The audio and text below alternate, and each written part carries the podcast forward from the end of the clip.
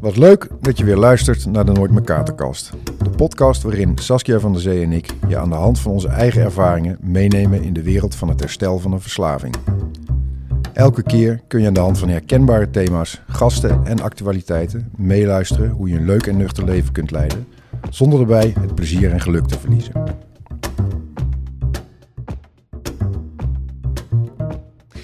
Hey Jeroen, goedemiddag. Hey. Zitten we weer? Goedemiddag Sas. Nou, zitten we weer in, eh, in een mooie omgeving. hè? Ja, gewoon weer een nieuwe locatie. Ja, wij wisselen. We zijn gewoon een vliegend, eh, vliegend bedrijf. Ja, heel flexibel ook. Hè? Ja. Ja. Nou, het is wel professioneel, dus eh, ik heb hoge verwachtingen van deze podcast. ja, mooi. Ik ook. Hey, eventjes de, het nieuwsfeitje van de afgelopen tijd, wat ons opgevallen is. Ja. Dat, eh, Nou ja, eh, jij hebt natuurlijk ook eh, kinderen in eh puberleeftijd. En ik ook. ja, En wat we natuurlijk zien in die puberleeftijd is dat ze natuurlijk veel gaan experimenteren. Hè, met van alles en nog wat. Met alcohol, drugs, roken en noem het allemaal maar op. En wat mij heel erg opviel eh, de afgelopen periode is dat er eh, wat influencers ook zitten op TikTok. Hè, medium waar wij nog niet zitten met Nooit meer Katerkast. Maar Nee. waar we misschien Nee. ook, ook een keer misschien moeten moet gaan dat een zitten. keer, ja. Maar in elk geval, daar zit natuurlijk wel deze doelgroep. En die worden dus gewoon benaderd door influencers als het gaat over e-sigaretten, de zogeheten vapes. Ja, ja. Eh, waar deze doelgroep best wel gevoelig voor is. Ja. En dat vond ik eigenlijk best wel een beetje ja, dat shocking is- eigenlijk. Hoe zie jij dat? Nou ja, ik vind het, weet je, het is natuurlijk inderdaad weer op een laagdrempelige manier, op een of andere manier, eh, verslavingsgevoelige, ongezonde middelen op een laagdrempelige manier beschikbaar maken voor jongeren. Of in ieder geval Ja. een soort van de indruk wekken dat, dat, eh, dat het eh, hot and happening is. Terwijl het natuurlijk gewoon super schadelijk en verslavend is. Mhm. En dat is natuurlijk met vapes, maar volgens mij is het ook met van die, van die seltzers met een beetje alcohol erin. En ja, dat gaat allemaal Ja. via de, die mensen, ja. Ja, Ja. en ook. En ook die, ehm, volgens mij heet dat snoes. Zo, Hè, ja. wat, Ja. Ze, wat ze zeg maar hierbij... Eh, snuf of snoes, ja, ja zoiets, ja. Ja, en dat staat volgens mij gelijk aan 40 sigaretten ongeveer. Hè, als het gaat over eh, nicotine en datgene wat dus heel slecht voor je is, wat erin zit. Ja, het is een soort pruimtabak of zo. Het is een zakje wat je op je op tandvlees duwt, toch? En dan geeft dat eh, ja, ook volgens mij nicotine af, toch? Ja, maar wat heel veel jongeren dus ook niet weten, is dat je dus je botten ook daarmee aangetast kunnen worden. Hè? Dus dat je, ja, het is en weet je, en dat is dus ook zo is als je dus ziet op social media, waaronder dus TikTok, maar ook andere platformen, hoe dat wordt aangeboden, is natuurlijk dat best wel heel gevaarlijk voor Ja. die uh, voor die jongeren, want die zijn natuurlijk heel gevoelig, ook voor groepsdruk en uh, van oké, maar als hij het doet, dan Ja. uh, moet ik het ook proberen.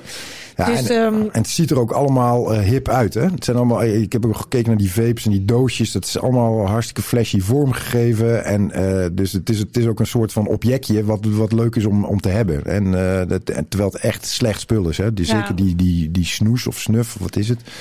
Dat, ook voor je botten, maar ook voor je gebit bijvoorbeeld. Ik heb ook wel foto's. Zeker. Het komt echt uit Scandinavië. En daar zijn uh, de, Mhm. de gevolgen niet overzien.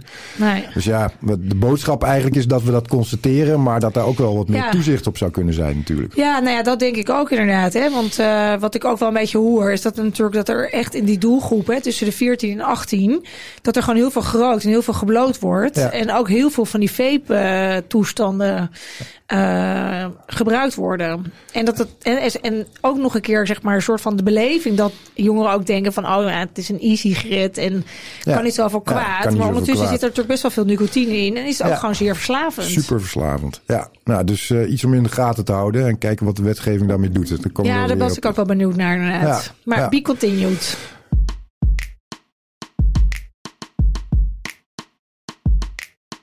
Mooi. Nou, we hebben, uh, zoals de luisteraars van ons gewend zijn, uh, altijd een, uh, een, een, nou ja, een hoofdthema. En in dit, in dit geval, deze aflevering, hebben we een hoofdgast. Hè? Ja. En dat is Timo Eichholz. Welkom, Timo.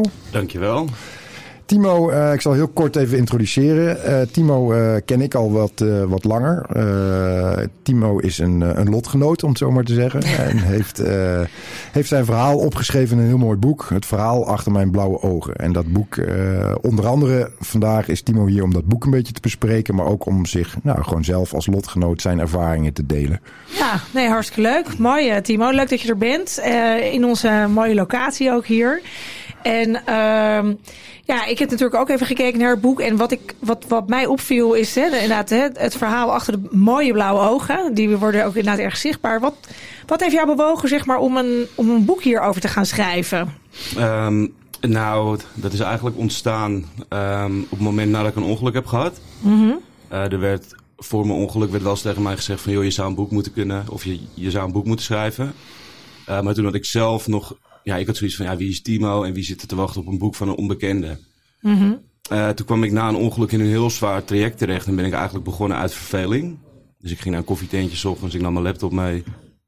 Um, ja, toen begon ik te tikken, weet je. Ik begon gewoon te schrijven, mijn levensverand. Ik kwam erachter na mijn ongeluk en het hele traject wat nog kwam... Ja, dat het eigenlijk echt wel een heel slecht verhaal was geworden... hoe mijn leven was gelopen door gevolg van middelenmisbruik. Want wat was dat ongeluk? Wil je daar iets over vertellen? Nou, dat ongeluk, dat, uh, ja, dat gebeurde in een terugval. Mm -hmm. En ja, dat was een heel zwaar ongeluk. Ik kwam met beide banden tegen een stoepje en ik viel... Uh, op een scooter, toch? Of op, niet? Ja, op een scooter ja. in Zandvoort. Mm -hmm.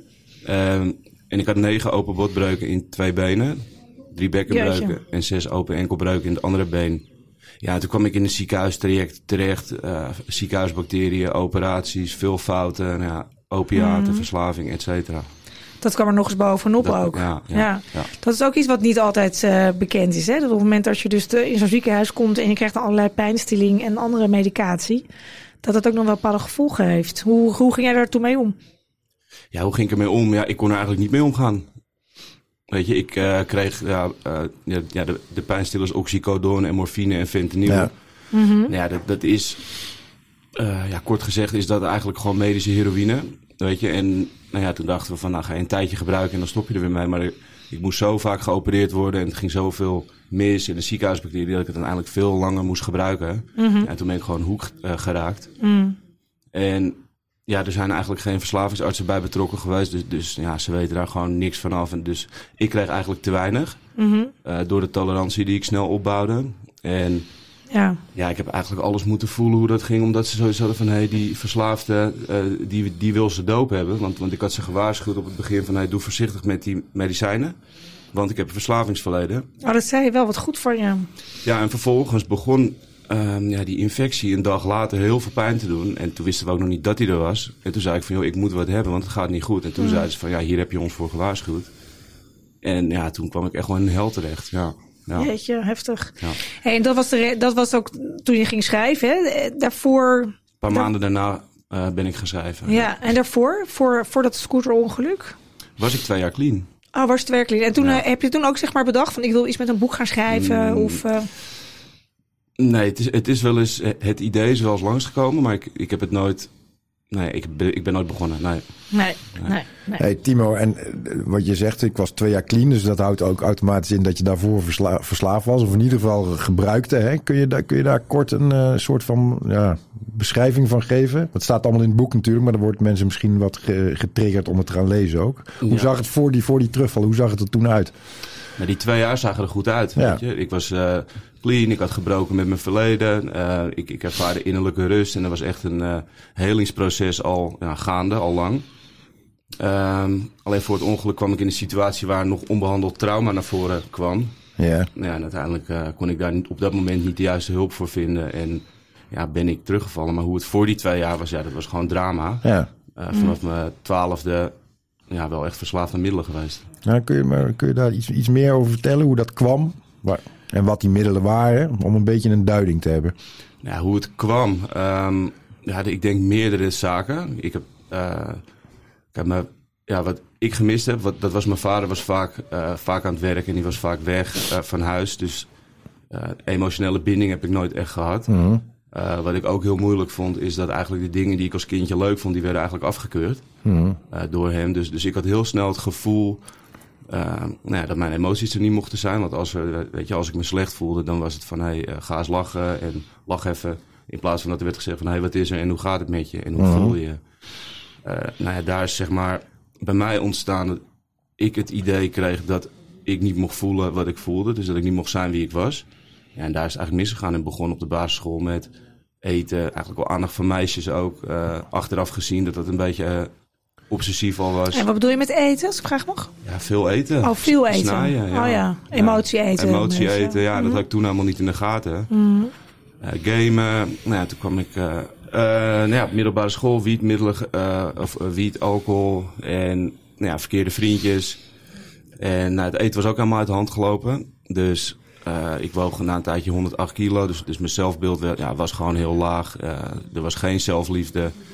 En ja, ik was aan het vluchten in middelen en vanaf mijn zestiende kwam ik met zwaardere middelen in aanraking. Nou, dan kan ik je een heel alfabet opnoemen van wat ik allemaal gebruikt heb Nee, door de oké. jaren heen. Maar Ja, dat geloof ik. Nee. ja. Mag ik je wat vragen, Timo? Want je had het net over, hè, wat, wat Jeroen vroeg over van, goh, waar, waar ontstond het een en het ander? Toen gaf je het aan over je vader, hè, een soort van, hè, geen ruimte voor emotie. Waar had je, heb je ook een moeder of heb je nog broers en zusjes? ja, ik heb een zus en een moeder.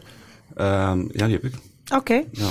Ja, ik was, ik was ook overdreven aanhankelijk aan mijn moeder. Dus ik was altijd ook... Ik had al heel vroeg verlatingsangst. Ik was eh, bang ook als mijn, ja, als mijn ouders weg waren en de oppas was... was ik altijd bang dat er iets zou gebeuren. Weet je? Ja. Dus, dus ik was altijd al bang. Heel ik- angstig. Ja, en eh, toen ik... eh, dat is even een stukje terug weer.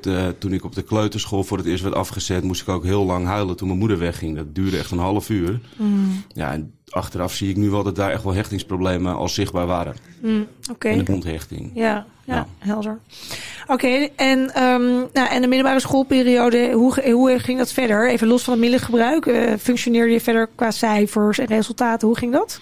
Ja, ik, ik ging naar Atheneum. Eh, dus leren ging mij in principe makkelijk af. En eigenlijk hoefde ik maar één keer wat door te lezen en dan haalde ik het. Mhm. Eh, het was meer door gedrag dat ik het niet haalde. Dus ik werd van scholen gestuurd, ik spijbelde, Oh ja. ik blode. En ja, ik werd altijd de les uitgestuurd. Dus ik was wat dat betreft, eh, ik had een hekel aan school en ik was er nooit.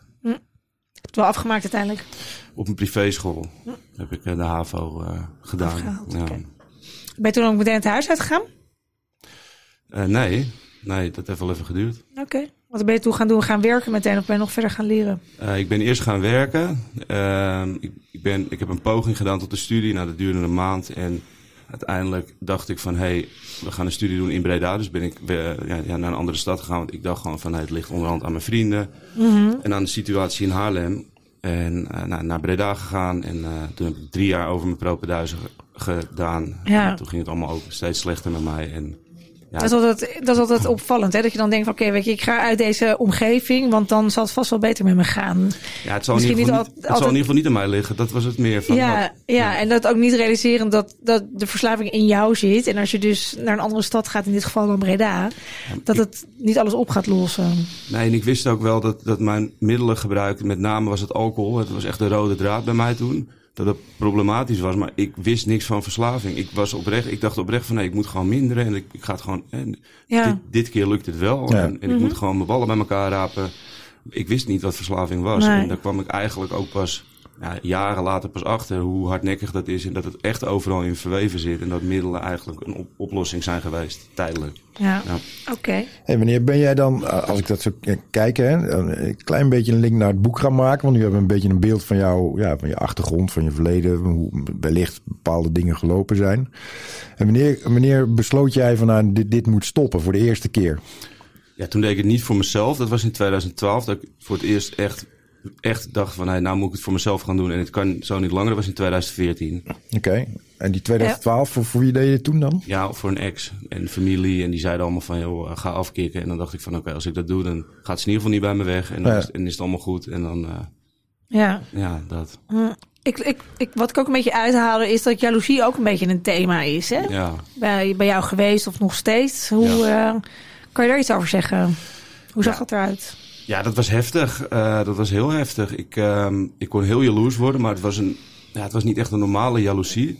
Ehm, ja, hoe ik het zou omschrijven als ik zo'n aanval krijg, want ik noemde het aanvallen, dan was het eigenlijk, had ik alle kenmerken, dat, dat heb ik achteraf pas meer in verdiept. Dat waren eigenlijk PTSS-kenmerken. En ja, dat is allemaal, komt allemaal voort uit echt vroegere jeugd. En dat ik dus niet heb leren hechten op een gezonde manier, een liefdevolle manier. Die verlatingsangst, maar dat zat, ja, dat zat er zo diep in. Eh, Ja. dat, daar kon ik eigenlijk niks mee. Nee, nee. Ik stond er echt machteloos tegenover. En eh, nou ja, daar heb ik wel, eh, wel een hoop aan gesleuteld door de jaren heen. Ja. Met name dat aantrekken en dat afstoten ook, toch? Als het gaat ook over relaties. Ja, het was zeker niet stabiel. Nee. Hey, eh, Timo, en eh, eventjes, ik, ik heb jou, toen ik het aan het lezen was, heb ik halverwege heb ik jou eh, gebeld. Toen moest ik het echt even wegleggen, omdat ik ook heel veel herkenning had in het verslavingsstuk en het eenzame stuk met name. En, maar heb je, hoe heb jij dat zelf tijdens dat proces ervaren? Hoe is dat gegaan? Qua, je bent begonnen, en heb je dat in één stuk doorgeschreven? Of had je ook periodes je dacht, nou nu moet ik het even wegleggen? Of hoe, hoe ging dat? Nou, ik vond het eigenlijk heel leuk. Zeker de eerste, want ik heb meerdere versies gedaan. Hè. Eh, zeker de eerste twee versies vond ik echt heel leuk om te schrijven.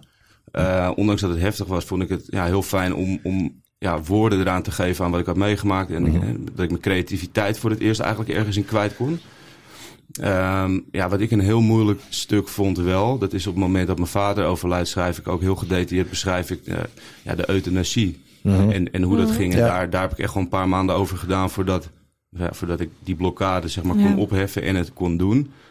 En ja, ook daarvoor, als ik schreef, ja, soms was het ook, ook gewoon tijden niet of een maand niet en ook geen inspiratie. Want ik wilde wel echt in mijn gevoel zitten, dat ik uit mijn gevoel schreef en niet vanuit mijn hoofd. Ja. Dus, dus ik, ik ging meestal, ja, als ik een dag schreef, dan was het een, ja, een half uurtje of een uurtje. Ja. En dan de volgende dag weer. En zo, Ja. Ging, zo ging dat verder. Ja, want dat is natuurlijk, vind ik, best wel een uniek kenmerk van, van dit boek. Want je hebt natuurlijk best veel verslavingsboeken. Hè? En dat is vaak, vaak natuurlijk is dat achteraf geschreven. hè. Er zijn maar weinig boeken die... En bij jou is dat eigenlijk een beetje met je proces meegelopen, toch? Gedurende die paar jaar. Zeker, ja. En, en eh, kun je dan in die zin ook zeggen dat, jou, dat het schrijven van het boek jou ook geholpen heeft in je, in je, in je weg naar herstel? En hoe dan? Ja, door er woorden aan te kunnen geven, weet je. En ik, ik heb echt wel momenten ook gehad. Hè. Ik, ik, ik heb ook echt wel gehuild tijdens het schrijven, maar ook echt gelachen. Ik heb ook echt dubbel gelegen om bepaalde stukken die, ja, die gewoon, ja, die eigenlijk niet om te lachen zijn. Maar ik, ik, ja, ik kon mijn emoties erin kwijt. En in die zin heeft het zeker ja, geholpen om wel te helen, ja. Ja, Ja. ja. Ik, eh, wat ik er ook uit eh, begreep is dat je meerdere keren naar klinieken ook bent gegaan. Hè? Als Ja. het gaat over het, eh, het zoeken naar herstel. Je gaf net al aan, de eerste keer was niet echt eh, vanuit mijn eigen motivatie, maar was meer extern gedreven. Ja, klopt. Waar is dan voor jou, zeg maar, want je bent ook in Zuid-Afrika geweest, klopt dat? was, ja, dat was de eerste. Dat was de allereerste keer. Ja. En daarna ben je naar in Ne- Nederland gewoon geweest. Ja, ik denk bij elkaar nog drie of vier in Nederland, ja. Ja. En een safe house en een dagbehandeling. Ik heb echt van alles gedaan. En waar is dan zeg maar, hè, want we hebben het altijd over een soort van rock bottom als het gaat over de eh, verslavingswereld. Ja. En, eh, ja, en dan hoor je van die termen van, goh, ja, nou, hij heeft zijn bodem nog niet bereikt en eh, dat soort zaken. Hè? En elke keer denk je dat je dan je bodem bereikt en dan denk je dat het soort van niet meer slechter kan. Ehm, hoe- wa- waar is dat kwartje dan voor jou exact gevallen? Ja, kijk, een bodem kan altijd dieper. Want Ja, het- dat bedoel ik. Ja. Kijk, het kwartje was in principe wel gevallen, ook in 2014. Alleen ik kwam uit zo'n heftige ontwenning, weet je. Want ik wilde echt en ik, ik ging een safe house in en ik deed mijn best. Maar ik sliep maar een uur of twee uur per dag voor een half jaar. Want ik kwam van, ja, nou ja benzodiazepines af, GHB, echt, echt zware middelen. Dus het was ook echt heel moeilijk, weet je, om Ja. clean te blijven. Dus toen kwam ik er ook achter van, yo, dit, dit, is, dit is echt topsport. En toen ging het nog mis. Ehm, nou, Dat was dat scooterongeluk, of niet? Nee, nee, nee. nee. Ik, ik, heb toen drie klinieken kort achter elkaar gehad. Twee, twee of drie. En ja, kijk, toen wilde ik echt al. Want als het fout ging, ik, ik heb meteen weer de hulp ingeschakeld. Want ik wist gewoon van hier wil ik vanaf. Maar het was zo ongelooflijk moeilijk. Het is echt het allermoeilijkste wat ik gedaan heb. Maar vanaf 2015 had ik het dan voor het eerst dat ik, e- ja, dat ik echt in herstel kwam. En dat ik echt anders leerde leven. Dat ik mijn vrienden achter me liet. En mijn hele, eigenlijk mijn hele imago achter me liet. Want dat vond ik het allermoeilijkste. Dat, dat, dat was dat ik in zijn totaliteit moest veranderen. Weet je? Ja. Dus, dus niet alleen het middelweg, maar de, de Timo die ik zogenaamd was, of die ik had aangeleerd te zijn, ja, die moest weg. Want anders bleef het misgaan. En, de- en dat is eigenlijk een soort, ja, ik noem het altijd een rouwproces geweest. Echt een helingsproces. En vanaf, ik denk als iemand zo'n proces aangaat, ja, dat is voor mij is dat herstel. Als iemand echt gaat helen en losbreekt op alle manieren waar die, ja, waar die in verweven zat. Ja, ik hoor jou net zeggen hè, van ehm, alle middelen zeg maar, die je even eh, kort benoemt. En eh, dat allemaal heel heftig. En dat precies wat je zegt. Hè, uiteindelijk is het inderdaad de nieuwe Timo eh, vinden. Wat heb je. Heb jij het gevoel, zeg maar, dat op het moment als je dus eigenlijk gevoelig bent voor meerdere middelen, dat een verslaving dan erger is dan als je alleen maar een alcoholverslaving bijvoorbeeld hebt? Nou, dat weet ik niet. Kijk, ik, ik heb ze allemaal. Weet je, het maakt bij mij eigenlijk niet uit. Alles wat op korte termijn een goed gevoel geeft en op lange termijn ja, is dat vaak destructief. Dat heb ik geleerd. Ja. Daar ben ik vatbaar voor. Dus, dus het zijn de middelen, maar daaronder komen ook de gedragingen. Nou, Ja. we hebben sport, we hebben eten, aandacht, eh, liefde, seks. Alles, alles kan, kan de revue passeren, ja. Maar eh, even voor mijn beeldvorming. Dat staat ook heel mooi in het boek hoor. Maar eh, misschien leuk om die podcast. Of leuk. Interessant. Eh, Hoe, wie was die Timo dan? Die, eh, zeg maar, die, waar je vanaf moest. Wat, wat was dat? Wie, wie, wie was dat? Ja, dat, wie, dat was eigenlijk gewoon een. Kijk, eerst verschool ik me achter het feit dat ik een, een, eh, een, een student was die veel dronk. En daarna werd het een. Ja, ging ik veel naar feesten. Dus ik zat heel erg in, in, in de gabber scene. Dus, dus moest het. ja, wa- ja, was het gabber en was. Het waren altijd subcultuurtjes. Uiteindelijk was het zelfs ook. Hè, toen was ik clean. ehm, eh, toen trainde ik heel veel. Hè, fitness. Dus, dus toen was ik personal trainer, maar toen werd het Timo de trainer. Dus ik ging me ook weer daarachter verschuilen. En nou ja, dan sloeg ik daar ook weer in door. Elke keer had je een rol, een masker. Precies, dat, dat ja, ja. En dat is ook, dus mijn perceptie ook wel. Als je, dat, dat vind ik een van de moeilijkste, vond ik een nog steeds wel, vind ik een van de moeilijkste dingen om te doen. Ja, om om ja. echt, echt los te breken, wat je net denk ik al een beetje omschreef, van, de, van dat masker of van die rol hè, die je speelt. Want dan ben je eigenlijk, dat is eigenlijk een beetje je identiteit geworden op een duur. Ja, die moet weg. Ja, Die en, moet weg. Want dat, daar zit dat gebruik in verweven. En ook de sociale kringen en, en alles. Ja. ja, ja, Ik vroeg net aan jou, Timo, waar het kwartje dan was gevallen hè, van die rock bottom. En toen gaf jij aan, het gat eh, werd steeds dieper en dieper. Maar in 2015 begon het, het helingsproces, zoals je dat zelf net noemde. ja, daar was het kwartje echt wel gevallen. Ja? Ja, en wat ik ook heb, dus dat ongeluk twee jaar later, wat ik ook zei, dat is ja, dat het echt met onopgelost trauma nog te maken. En eh, ja, waar ik op dat moment gewoon niet mee uit de voeten kon. En toen heb ik de keuze gemaakt. Ik was 10 kilo afgevallen door de stress in twee maanden. Toen heb ik de keuze gemaakt van, weet je, ja, fuck it dan maar. En ja, dat had hele grote gevolgen. Fuck het dan maar wat. Alles. Een gebruik. Nou ja, alles. Gewoon, gewoon het leven. Ik denk, fuck it, ik ga gewoon weer zuipen. Ja. Ja. Dat was na twee jaar. ja. En hoe lang heeft dat geduurd, die periode? Nou, heel kort, want toen had ik een, ja, een ongeluk. Maar uiteindelijk dus ook heel lang. Want toen kwam ik in het ziekenhuis terecht, Ja. eh, terecht waar ja, gewoon alles misging. En eh, kwam ik gewoon in een zware opiatenafhankelijkheid terecht. En dat, Ja. dat, dat was weer een nieuwe tak van sport. Ja. En is dat dan anders? Dat, dat het niet voor de fun is, maar dat je het, dat je het nodig hebt, zeg maar? Zit daar een, kun je daar een verschil in, in, in omschrijven? ja, wat ik het ergste vond van een terugval, dat is als ik dus al, ik had twee jaar lang had ik echt met mijn gevoel in contact gestaan en ik was veranderd. En wat ik het ergste vond, dat was om weer helemaal dicht te gaan. Dus, dus, dus je gebruikt of er komen middelen in en alsof de ziel weer helemaal dicht zit. Dus, dus dat vond ik dan het ergste. Ja. Eh, kijk, tuurlijk was het, of nou, natuurlijk, het, het gebruik van medicijnen was heel anders als het gebruik van drugs en Ja. alcohol daarvoor. Maar dat neemt niet weg. Kijk, het, het, het was gewoon ook verslaving, alleen in een andere kleur, in een andere smaak, Ja. een ander jasje. Dus, dus het had andere triggers. Pijn was een trigger, maar ook een reden. Eh, maar ik hoefde niet meer van een identiteit los te komen. Dus ergens was het voor mij vooral... Ik, ik, het is heel moeilijk om van opiaten af te komen, want het is echt een hel. Maar ik hoefde eh, als persoon eigenlijk niet meer zoveel te veranderen. Want dat had ik wel al gedaan. Dus toen ik eenmaal durfde te stoppen, want het is ook de angst voor ontwenning. Eh, toen ik eenmaal durfde te stoppen, was eigenlijk wel vrij makkelijk. Omdat Ja. ik donders goed wist wat ik moest doen. Ja. Dat, dat, dat, wat je net zegt, dat herken ik wel. Ja. Ik, ik, ik werk ook eh, af en toe in, eh, in een kliniek. En daar zit ook wel aardig wat mensen voor, op, eh, op- voor een opiaatverslaving. Dus dat is echt wel eh, ja, groeiende voor, in, in mijn ogen. En ik herken heel erg die, eh, die angst voor, voor het stoppen. Hè, voor de afbouw. Als je op een gegeven moment zegt van we beginnen met de afbouw, dan, dan gaan die mensen naarmate het voordat van oké, nu gaan we een beetje richting de laatste periode, dan worden mensen heel zenuwachtig van inderdaad. Herken je dat? Ja, ja, dat laatste stukje, dat, dat is eigenlijk wat je niet wil. Weet je, eh, hele zware ontwenningsverschijnselen. En wat, wat ik de ergste vond, want je hebt restless leg syndroom. Ik, Ja. kreeg, ik kreeg het door mijn hele lijf, in mijn handen, in mijn borstkas, echt overal. Dus ik lag gewoon te krioelen door mijn bed. Nou, als dat drie dagen gebeurt, ja, dan ben je gewoon een wrak. En nou, daar komen angsten bij. En eh, nou, dat is echt drama, depressie, niks kunnen en doodziek. Nou, dat, dat is echt ellende. Ja. En, je, en, en dan weet je hoe dat weggaat. Of ik wist hoe dat weg moest. Dus ik maakte heel vaak de keuze van ja, één keertje. Ja. Ja. Even beter voelen. Nou ja, dan zit je er weer in. Dan kon je weer opnieuw beginnen. Want als je dat weer één keer voelt na een ontwenning, ben je eigenlijk meteen weer de lul. ja. Ja. Maar, wat ik net, ik vroeg net aan jou van, is dat, voelt dat dan anders? Hè? Maar wat ik daar eigenlijk mee bedoel is, voel je je dan, ik kan me zo voorstellen als je weer eh, eh, terugvalt op alcohol of op, op, op, op andere genotsmiddelen, om zo maar te zeggen, dan voel je je ook wel echt schuldig op een gegeven moment meer. Maar ik kan me ook met die medicijnen voorstellen dat je heel lang denkt van, ja, maar ja, ik heb het gewoon nodig, weet je wel? ja, dat kon heel lang. Maar na een tijdje, ook, toen had ik in de gaten dat ik, dat ik het ook ging gebruiken voor het gebruiken. Dus toen was het Ja. gewoon, toen was het full-blown addiction. Maar dat had wel even tijd nodig voordat dat bereikt was. Maar na een tijdje was het gewoon van hetzelfde. Toen wist ik gewoon van jou, Timo, je houdt jezelf weer voor de gek. En Ja. eh, als je zo doorgaat, is er weer een jaar voorbij en weer een jaar voorbij. Ja. Ja. Hey, en dus wanneer zou je zeggen, was nou jouw moment dat je echt, echt clean was, bent? Eh, dat, dat is dan anderhalf jaar terug nu. Ja. Ja, dus dat is, dat is vrij kort.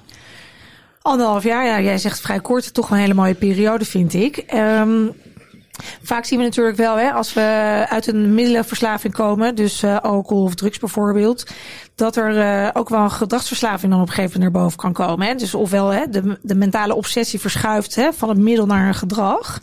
Uh, vaak zien we bij vrouwen bijvoorbeeld eten. Even net even genoemd, maar dan bijvoorbeeld niet eten. Of wel eten. Bij mannen zien we seks daar wel eens voor terugkomen. Of gokken. Is dat iets wat bij jou heeft plaatsgevonden?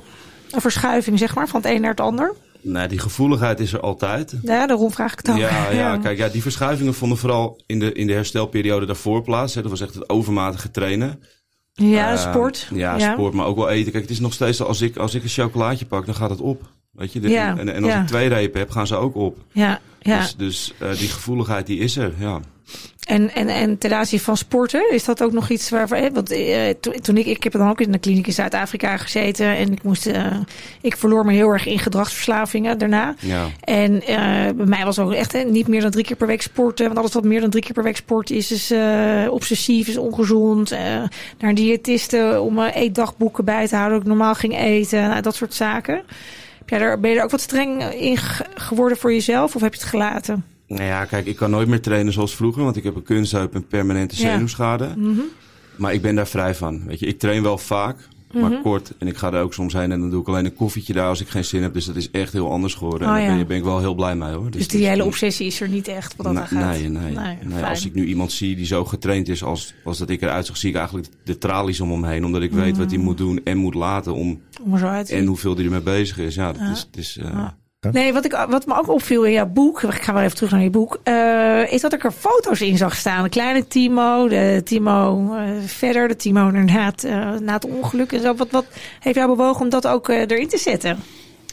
Ja, dat, dat, is, dat is een goeie. Ehm, een gevoel dat ik dat wilde doen. Maar ook omdat de proeflezer die hem als eerst had gelezen, die zei van ja, je gaat zo in een rollercoaster en dan heb je weer dat. En dan ben je zogenaamd heel getraind en dan, dan, dan, dan, dan kan je weer niet lopen. En toen had ik zoiets om eigenlijk, misschien ook om, om te overtuigen dat alles ook echt in zo'n... Ja, zo- Echt gebeurd is. echt gebeurd is. en, en dat het eh, ja, van fase naar fase ging. Eigenlijk staan er, weet je, het zijn fases inderdaad als Ja, kindje. dat zag ik, ja. Ja, Mhm. de, de, de tijd dat ik eh, nou ja, dronk en gebruikte, en heb ik echt wel de ergste foto's, die staan er echt niet in hoor. Want ik heb Nee, er is- heel veel uitgelaten.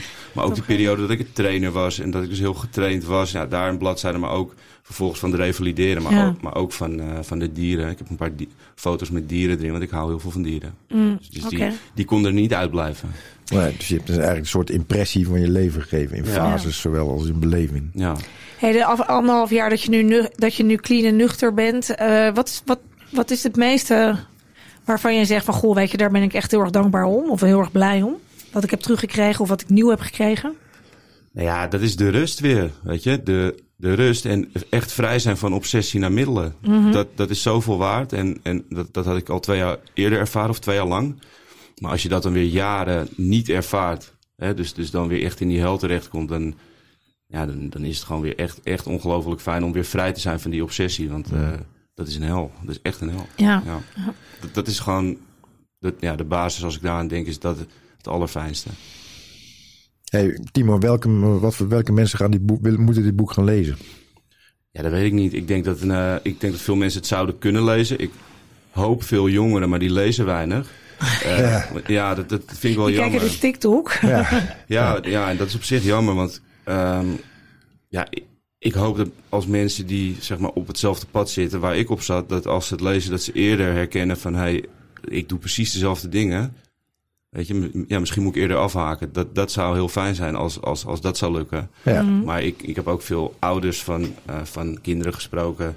Die, Ja. ja. waarvan hun kinderen dan verslaafd zijn of echt op die weg zitten. Nou ja, die waren wel heel dankbaar dat, ja, dat ze dus konden zien van... Hey, mijn zoon is ook zo en die, die sloeg ook het huis kort en klein thuis. Weet je, Eh, er, er is een oplossing. Ja. Ja. Heb jij voor, voor jezelf, wat, wat, wat, gaat, wat gaat mensen opleveren als ze het lezen, hoop je? Die oplossing die je net zoekt, wat heeft jou eigenlijk opgeleverd? Dat is misschien ook een mooi, betere vraag. Ja, wat heeft het mij opgeleverd? Ja, buiten, buiten geld dan voor die boeken. Maar eh, heb, jij, heb jij nu al dingen waar je zegt van nou, dat heeft me therapeutisch of... Ja, het boek is dicht ja. voor mij, snap je? Ja, Dus ik heb hem dicht gedaan en, en dat heeft het opgeleverd dat ik het echt achter me heb gelaten. En zo voelt het ook. ja. Dus nou ja, dat is heel wat, toch? Ja. Ja. Maar goed, we krijgen vroeg of laat natuurlijk altijd met bepaalde drempels te maken in ons leven. Het leven gaat natuurlijk nooit altijd van leidakje. En hè, wat je net zelf ook sche uh, schetste, hè, dat je na twee jaar hè, clean en nuchter bent geweest en dat er toch nog wat onopgeloste trauma's naar boven kwamen. Ja. Kan ik me altijd voorstellen dat er altijd dingen gebeuren die er toch ervoor kunnen zorgen dat wat wiebelig gaat worden. Ja. Hoe, zie, hoe, hoe, kijk je, hoe zie je dat? Nou, als ik blijf doen hoe, wat, ja, de dingen die ik nu doe, dan, dan ben ik daar ja, niet bang voor. Absoluut niet bang voor. Nee. Nee, nee. En wat doe, je, wat doe je nu eigenlijk? Want want, ja, inderdaad, dit boek het heeft natuurlijk een aantal jaar geduurd voordat je het een en ander op papier hebt gezet. En eh, dan, het boek is dicht, zoals je nu net zet, wat Ja. zegt. Wat, wat, wat doe je nu? Bedoel je op, op, op werkvlak? Gewoon überhaupt, ja? Nou ja, ik, eh, op het moment heb ik geen, geen vaste baan. Mhm. Eh, maar er komen veel lezingen aan op scholen. Nou, dat, dat vind ik heel leuk. Ik ben nog bezig met het boek. Eh, en ik ga uiteindelijk weer als trainer slash coach ga ik starten. En dan ga ik een combinatie doen tussen meer schrijven. Want dat vind ik superleuk. Eh schrijven, coaching. Ehm, eh, ik ga samenwerken met een bepaald supplementenmerk. En, dan, en dan wil ik dat eigenlijk allemaal bij elkaar brengen. Dus, dus de dingen die ik allemaal heel leuk vind, dat samenbrengen en daarmee aan de slag. Ja. ja. En woon je nu weer in je oude omgeving? Of, Ik heb al mijn herstel in Haarlem gedaan. Oké. Ja. Dus En gebruik ook, toch? Ja, Ja. ook, ja, ja, ja. Ja. Dus dit is Dus altijd mijn oude je. omgeving Ja. gebleven eigenlijk. Ja, mooi. Behalve mooi. als ik even eh, een maandje naar de Veluwe moest. ja, de Veluwe, ja. tussentijd. Ja, precies. Ja. Ja. Hey, Timo, dan denk ik dat we best wel wat eh, behandeld hebben. En dat we langzaam naar het einde toe gaan. Heb jij nog dingen eh, die je nu, hè, nu... Je zegt net, het boek is dicht. Maar heb je nu eh, nog dingen die je. Och, dat had ik eigenlijk in moeten zetten. Of dat, daar kan ik een ander boek over schrijven. Die je er nu nog aan toe zou willen voegen. ja, voor nu nog niet. Kijk, het boek kan... Er, er is ruimte voor een heel vervolg. Weet je, dat. Dus, dus, dus Ja. ik, ik zou een heel vervolg kunnen schrijven over hoe de komende vijf jaar er weer uit gaan zien. Ja. En dat gaat er wel aankomen. Heb je nog dingen weggelaten? Die, waar, waar, je, waar, die je misschien al wel getikt had. Maar je denkt, "Ach, die haal ik beter maar om eruit te halen. Kwetsende dingen. Kwetsend. Voor, voor de lezer, ja. Ja. ja. ik, heb wel, ik, ik heb daar heel bewust over nagedacht. Ook mensen echt, echt geanonimiseerd. En ook eh, ja, wel bepaalde stukken, die ga ik ook niet, niet vertellen hier. Nee, dat Die heb ik er echt, echt uitgelaten. Puur uit respect voor de mensen die met mij ook te maken hebben gehad. Ja. Ja. Ja. Nou, dat lijkt me inderdaad altijd wel lastig. Inderdaad, als je echt het- als je voor, voor autobiografisch kiest natuurlijk, wat helemaal over jou gaat. En de pijn en, en en de verleden, wat er zit. Dat, ja, weet je, je bent op dit moment ook een ander proces. Dat je dat ook inderdaad eh, niet wil gaan Ja. schrijven. Omdat Ja. het eh, nou, dan eigenlijk ook niets gaat toevoegen. Ja, en ik wil anderen niet, er niet te veel bij betrekken. Nou, het is jouw stuk. Het is inderdaad hoe jij met dingen bent omgegaan. Ja, en, en de mensen die met mij te maken hebben gehad, die hebben, die hebben waarschijnlijk niet gewacht op een boek waar ze in, voort, of in voorkomen. eh, in relatie met mij. Nee, dat snap ik Dus- ook. Ja. en ehm, ik, ik- sorry Jeroen, ik heb toch nog even één Nee, nee, vraag. want ehm, Hij zit er ik kan me dan zo voorstellen, je bent al aan het schrijven, weet je, ingebruikt, nuchter, clean, eh, whatever. Hè. Er zitten echt heel veel rauwe kanten zitten er ook in. Ja. Eh, dat maakt het ook echt heel erg mooi. En dat maakt het denk ik ook heel erg onderscheidend ten opzichte van alle andere boeken. Want er zijn natuurlijk honderdduizend boeken over eh, bekende en minder bekende mensen met eh, eh, verslavingsproblematiek. Maar dan, hè, dan is het geschreven en dan klaar. En dan gaat het naar zo'n boekhandel toe. Hoe, hoe was dat voor jou, dat, eh, dat moment? Ja, het was eigenlijk heel onwerkelijk. Het, het, het was heel onwerkelijk. Het, het boek ging er naartoe. Ik weet dat ik zelf een aantal dozen ben gaan ophalen. Mhm. Ja, toen moest ik zeg maar wel, moest ik even mijn best doen om, om, om mijn voetjes weer op de grond te krijgen. Ja, hoezo? Nou ja, ik, ik, ik had wel zoiets van, yo, het is er nou echt en wow en heftig en, en bijzonder. En eigenlijk ook ongelooflijk dat ik het heb afgerond. Want eh, ja, ik heb nooit wat afgemaakt en het boek was gewoon wel, wel echt serieus afgemaakt. En, en, en Nieuw ik- gedrag. Mooi, ja, mooi. ja, maar, maar ik, vind- ik vind hem ook heel goed geworden. En ik ben er ook heel trots op. Maar ik merkte Fijn. ook dat ik het heel eng vond. Zeker toen ik mijn boekpresentatie moest doen. En toen het echt voor het eerst naar buiten ging. Ja, Eh, ja, toen was er eigenlijk meer angst dan blijdschap. Toen dacht ik van, ook wel van shit, wat heb ik gedaan? En de details die erin staan. En dan niet eens over gebruik. Maar ja, dat stukje waar we het over hadden. Ja. En hoe ik ook met exen ben omgegaan. Vond ik toch wel een ding dat dat naar buiten ging. ja dus dat, was ook weer een proces op zich. Ja. Zo'n boek lanceren Ja. was voor mij echt wel weer... Ja, maar daar vraag ik het ook nog even. Want dat ja, lijkt me dus vraag, ook zo spannend. Want dan ben je er zo lang mee bezig. Het wordt echt een soort van van jou, precies wat je zegt. Weet je, andere mensen die met mij om zijn gegaan. Of het nou relaties zijn of vrouwen eh, nou ja, die misschien wat links hebt laten liggen, whatever. Weet je, zitten er niet op te wachten dat ze, dat ze terugkomen in een of ander verhaal van jou. En dan, in, en dan komt het er. En dan, ja, dat je dan wat angsten eh, krijgt, dat lijkt me heel erg passend bij die situatie ook. Ja, kijk, en ook zo'n boek. Ik, ik schreef het alleen voor mezelf in eerste instantie. Dus ik deelde niks met, ja, met niemand niet. Mhm. Behalve dan met testlezers. En dat was ook alweer eng. Maar dat is dan één iemand die je dat vertrouwen geeft en nog iemand. Eh, maar dat in één keer dus alles wat ik voor mezelf had geschreven. Hè, dus, dus met de bijbehorende details. Dat dat in één keer toegankelijk is voor iedereen. Hè, ook Ja. voor mijn moeder en, en voor familie. Ja, dat, Mhm. dat deed meer met me dan, dan ik had verwacht. Ja. Ja.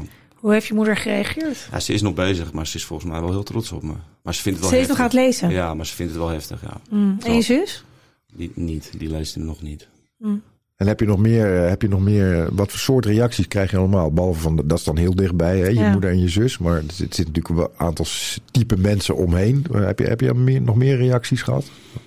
Ja, eigenlijk, ehm, ja, ze vinden hem allemaal heel rauw, heftig. Eh, ook wel hard, maar ook mooi. Ehm, ja, de een leest hem echt heel snel uit. En familie moet hem vooral wegleggen tussendoor. Dus ooms en Ja. tantes moeten hem echt af en toe wegleggen.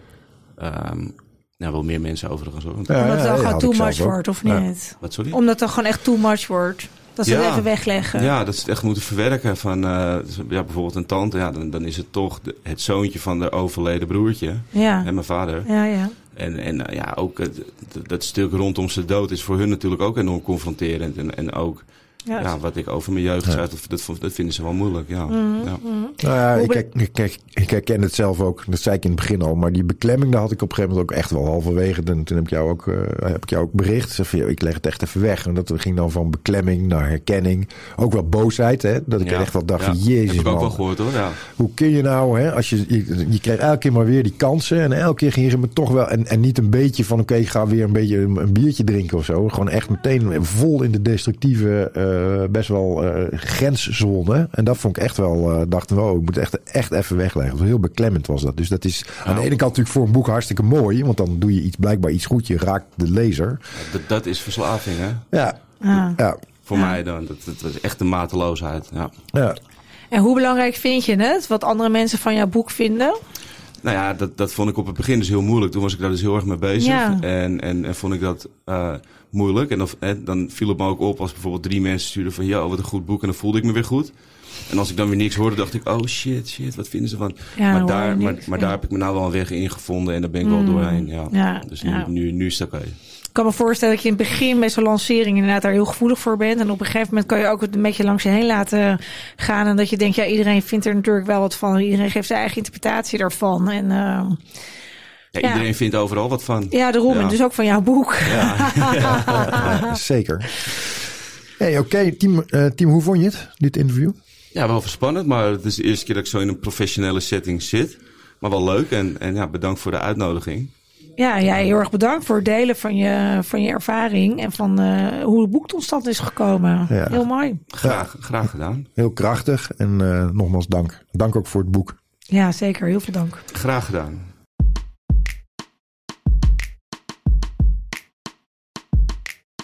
Oké, Sas. Nou, wij zijn eigenlijk altijd gewend om nu eh rubriekje tips te doen. Maar ja, dat is eigenlijk, ja, ik zou niet weten. Jij, zou jij in het kader van dit iets van tips hebben? Nou ja, in zoverre niet echt met, meteen zeg maar de tips zoals we dat altijd deden in Nee. deze rubriek. Maar wel hè, wat, wat, eh, wat Timo net ook zei. Van, hè, voor, wie- voor wie is dit boek nou en voor wie leest het? En ik denk wel inderdaad, hè, jongeren lezen inderdaad niet heel veel, eh, lezen niet heel veel, maar wel ouders. En eh, ik maakte er net gekscherend een beetje een grapje over. Maar misschien een tip voor jou, Timo, om inderdaad hè, op TikTok, op andere kanalen. Eh, Ja. ja, om, om op die manier een beetje dit zichtbaar te maken. Want ik ben het heel met je eens. Ik zie het ook heel veel om me heen. Ik heb heel lang heb ik voorlichting gegeven op middelbare scholen. Dat ja, veel jongeren inderdaad gewoon dan de verkeerde afslag nemen. Of niet op tijd de juiste afslag. Het is maar net hoe je het eh, wil noemen. Ja, als het gaat over problemen thuis, scheidingen, ruzies, eh, emotionele verwaarlozing, fysieke verwaarlozing. Nou, noem het allemaal maar op. Dan, dan, ja, weet je, dan is er toch een bepaalde gevoeligheid. Ja. En ehm, jongeren praten daar gewoon niet over. Nee. En dan ontstaat er groepsdruk. En dan zijn ze heel erg vatbaar voor eh, keuzes die niet altijd even gezond zijn. Ja, ja dat is, daarom vroeg ik dat ook aan je. En je zegt eh, terecht van ja, in principe kan ik, hè, de jongeren, de- daar zou het ook echt het meest geschikt voor zijn. Maar eh, ja, Maar dus ook de ouders, weet Ja, je, ouders. tip van, eh, ja, weet je, le- lees eens hoe dingen tot stand kunnen komen. En een beetje weglopen van school en een jointje hier, een jointje daar, kan toch echt wel leiden tot iets heel destructiefs. ja, helemaal waar. Nou, Dus dat is toch, eigenlijk toch wat toch kleine toch tip wat inderdaad, Tips. Hartstikke. ja. En tegelijkertijd gadget, dus, dus dat is het boek Ja, dat is zelf. een gadget. Dus het boek zelf natuurlijk het verhaal achter... eh, Mijn blauwe ogen. Mijn gevecht terug van Timo Eichels. Dankjewel Timo. Graag gedaan, jullie bedankt. Hey Sas, eh, nou dan zijn we ook weer aan het einde alweer. Zeker weten. En eh, gaan we nog een kerstspecial doen? Ja, we gaan zeker een kerstspecial doen. En nou. niet weer van hoe kom ik de kerstdagen door. Nee, want die kennen we nu wel. Daar gaan Ja. we een verrassende insteek voor nemen. Hartstikke goed. Dankjewel, Mooi. Sas. Jij ook Jeroen, dank je. Bye bye. Hoi. Dankjewel voor het luisteren. Saskia, jij ook bedankt voor je mooie inzichten. Heb je nog vragen naar aanleiding van het onderwerp of heb je zelf een leuke suggestie? Dan kan je ons mailen. Vind je deze podcast interessant? Geef ons dan een review op Apple Podcast of Spotify. Deze podcast is mede mogelijk gemaakt door de Podcastfabriek in Haarlem.